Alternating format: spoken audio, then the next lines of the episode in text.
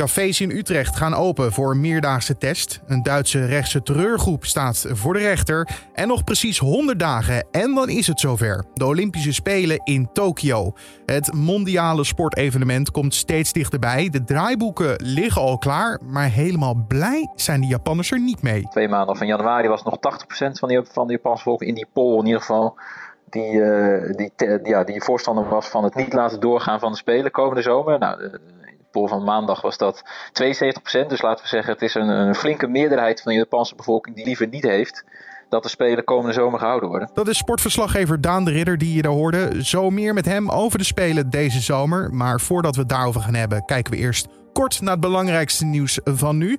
Mijn naam is Carne van der Brink en het is vandaag woensdag 14 april. Het is een dilemma hoe hoog de zorgbonus wordt en wie hem moet ontvangen. Dat schrijft minister Tamara van Ark in een brief aan de Tweede Kamer. Of de bonus wordt 500 euro netto voor zorgmedewerkers die veel werken met coronapatiënten en veel ziekteverzuim daardoor hebben, of alle zorgmedewerkers krijgen een bonus. Volgens de minister is er haast geboden bij het nemen van het besluit. Uiterlijk half april moet er een beslissing vallen omdat de uitvoering anders te veel vertraging oploopt en ze wil er donderdag over in debat met de Kamer. Volgens de klokkenluider van de toeslagenaffaire moet er een cultuurverandering komen bij de hele overheid. Volgens hem gaat het om een enorme opgave en dus niet alleen bij de Belastingdienst. Want als je onderzoek gaat doen bij andere departementen, loop je tegen dezelfde probleem aan als die van de toeslagenaffaire. De klokkenluider pleit in gesprek met nu.nl dat leidinggevenden verantwoordelijk gehouden moeten kunnen worden voor hun beslissingen. Daarnaast moet de werkvloer veel meer zeggenschap krijgen. Nog eens 15.000 mensen krijgen voorrang voor een coronavaccin. Het gaat om mensen die beschermd worden in een GGZ-instelling, leden van de mobiele eenheid en medewerkers en families van ambassades en consulaten. Gisteren werd ook al bekend dat Olympische topsporters eerder geprikt worden. Het gaat vooralsnog om zo'n 200 sporters die eerder een vaccinatie krijgen. Wanneer de extra groepen hun prik precies krijgen, is nog niet bekend. Nederland staat in de top 5 van Europese landen die bijdragen aan ontbossing. Dat staat in een nieuw rapport van het Wereld Natuurfonds. Ons land zou verantwoordelijk zijn voor het kappen van bijna 30.000 hectare oerwoud en andere natuur per jaar. Dit door de verbouwing en import van koffie, chocolade en soja. Het Wereld Natuurfonds en milieuorganisaties hopen op strenge Europese wetgeving om ontbossing tegen te gaan. En dan nog de kwartfinales van de Champions League. Bayern München moest een 2-3 achterstand van vorige week zien goed te maken tegen Paris Saint-Germain. Gisteravond was Bayern de enige ploeg echter die wist te scoren. Müller legt hem perfect neer en dit is een kans. Gaat hij er dan nog in? Ja, de goal van Choupo-Moting. Alles erin gooit in dat duel. Maar daar is het doelpunt voor Bayern München in de fase dat uh, Paris Saint-Germain via Neymar de kansen creëert. Maar de 1-0 overwinning was niet genoeg. De titelhouder is uitgeschakeld en Paris Saint-Germain gaat door naar de halve finales. Chelsea verloor in een andere wedstrijd met 0-1 van Porto, maar is ook vanwege hun overwinning van vorige week toch door naar de halve finales die over twee weken plaatsvinden. En nog precies dus 100 dagen tot de Olympische Spelen in Tokio losbarsten. Vorig jaar werden de Spelen natuurlijk al uitgesteld. Inmiddels staat het nieuwe datum al lange tijd op papier. Vrijdag 23 juli start het sportevenement. Collega Julien Dom belt erover met sportverslaggever Daan de Ridder en vraagt hem hoe zeker het nu is dat alles deze keer wel gewoon doorgaat zoals het zou moeten. Nou, er ligt een draaiboek vast, of eigenlijk beter uh, zes, zes draaiboeken voor, elke, voor allerlei verschillende groepen, zoals pers en, sporters. Uh, dus dat is, maar dat is eigenlijk meer een eerste aanzet. Die wordt de komende maanden of weken, ja, zoals alles natuurlijk met het coronavirus, is het allemaal nog ja, uh, vloeibaar, zou ik willen zeggen. Maar er ligt een uitgebreid draaiboek klaar. En ja, dat zal de komende maanden aangepast worden. Maar, maar de, ja, de, de basisregels zijn wel duidelijk. Als ik het zo hoor, is uitstel dus op dit moment geen optie meer? Eh, ik vind, ik vind uh, elk absolute statement lastig al een jaar lang. Dat zul je begrijpen. Maar vanuit de organisatiecomité en de Japanse regering is het duidelijk: uitstel is geen optie. En ja, uh, je kun je maar ja, vanuit als, als de druk te groot wordt, dan, dan kun je natuurlijk nog wel een situatie indenken dat het wel gaat gebeuren. Maar op dit moment uh, lijkt dat inderdaad uh, onmogelijk dat het niet doorgaat. Laten we eventjes hier dicht bij thuis beginnen. Want dinsdag kwam het nieuws naar buiten. Nederlandse atleten die krijgen voorrang bij het vaccineren. Dat lijkt mij positief nieuws, toch? Ja, nou ja, in ieder geval voor de, voor de Olympische sporters. Ehm, eh, het is natuurlijk een beetje een lastige discussie. Hè? De, iedereen uh, zal, uh, zal hier zijn eigen mening over, over hebben. Zeker de afgelopen weken, maanden.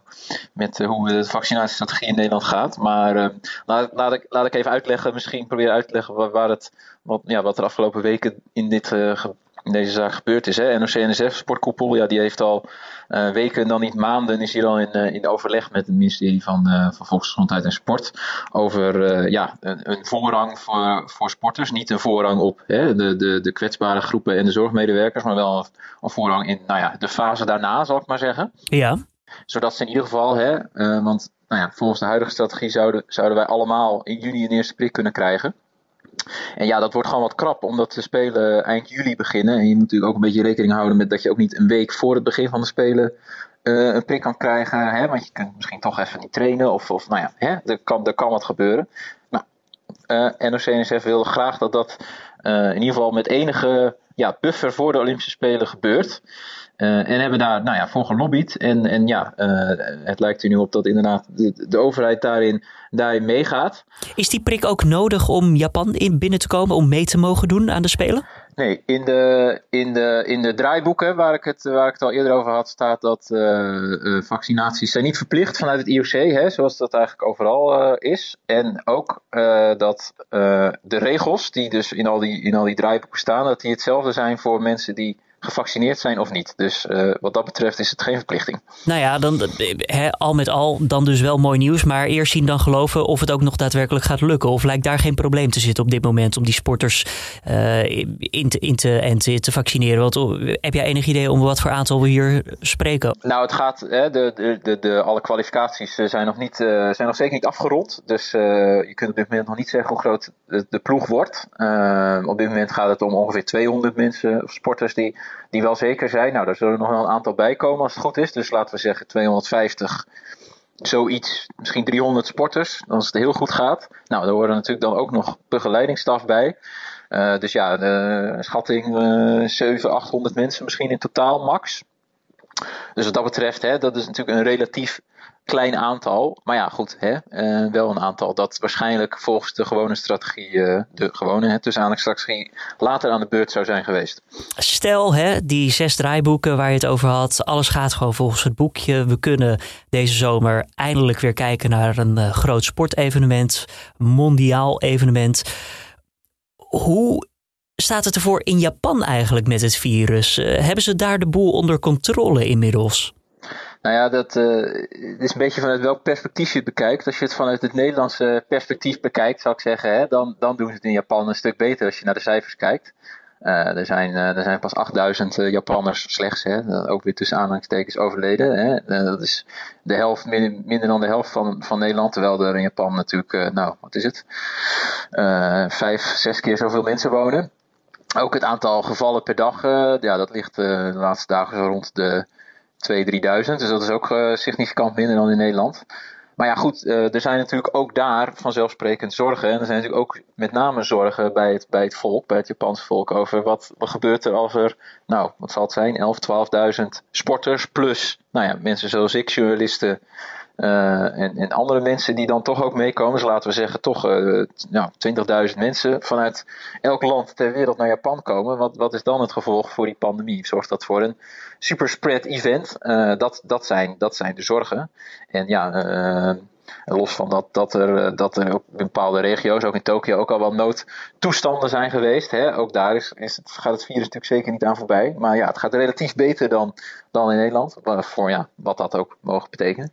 Maar betekenen die zorgen die er zijn ook iets voor het draagvlak wat er is in Japan op het moment?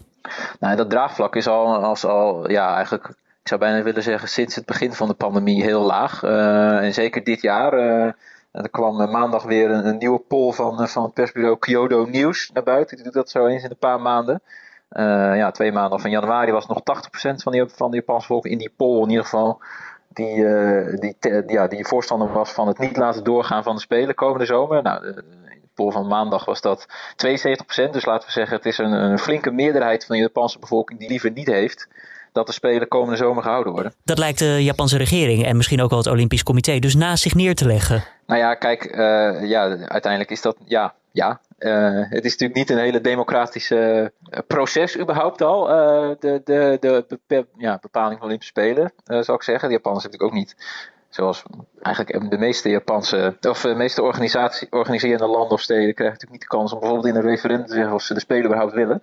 Afgelopen jaren gebeurt dat iets vaker, moet ik zeggen. Maar ja, nee, uh, klopt. Het IOC en de Japanse regering uh, gaan uh, leggen dat in die zin naast, naast zich neer. Dan eventjes buitenlandse toeschouwers. Die worden in ieder geval niet verwacht. Hè? Dat kwam in maart volgens mij al naar buiten dat er voor deze mensen in ieder geval geen plekje zal zijn bij het evenement. Klopt. En, en, het aantal um, ja, geaccrediteerden, zoals dat heet, dus mensen die bij die spelen mogen zijn of in ieder geval mogen werken, dat, dat wordt ook zoveel mogelijk beperkt. Wat dat precies betekent, dat is nog niet helemaal duidelijk. Uh, dat bericht kwam, uh, kwam ook een paar weken geleden dat IOC dat, nou ja, dus zoveel mogelijk gaat beperken. Dus dat betekent bijvoorbeeld, hè, de, uh, moet je denken aan, aan sponsoren van de Spelen die in het verleden denk bijvoorbeeld aan het Holland Heinekenhuis, dat er ook niet zal zijn. Ja, dat, dat die nogal wat, wat gasten ook meenamen na spelen. En op die manier dat er, ja, ook op die manier aardig wat mensen de oversteek maakten naar, naar het land waar de spelen zijn. Nou ja, dat, dat zal allemaal dus flink beperkt worden. Plus inderdaad geen, ja, ze noemen dat dan alleen mensen die een essentiële rol hebben. Nou ja, wat dat precies betekent, dat, dat, dat is dus een beetje onduidelijk. Nou, in ieder geval de sporters zou ik zeggen, maar inderdaad verder dan dat. Nou ja, ja uh, inderdaad. De sporters die zullen er zijn. En, uh, en uh, ja, het aantal mensen dat, dat, op dus, ja, dat er op het Olympisch terrein rondloopt zal een stuk minder zijn. En, maar heb jij je koffer al gepa gepakt, Daan? Staat hij al ergens nou ja, klaar in de woonkamer om de taxi in te stappen en naar het vliegveld te rijden?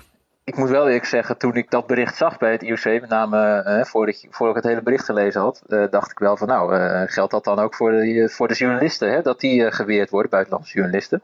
Op dit moment lijkt dat niet zo, maar dat is nog niet bevestigd. Het zou kunnen dat er gewoon minder journalisten worden toegelaten, maar dat is op dit moment nog onduidelijk. Wat inderdaad wel duidelijk is, wat je al zei, is dat er geen toeschouwers welkom zullen zijn uit het buitenland.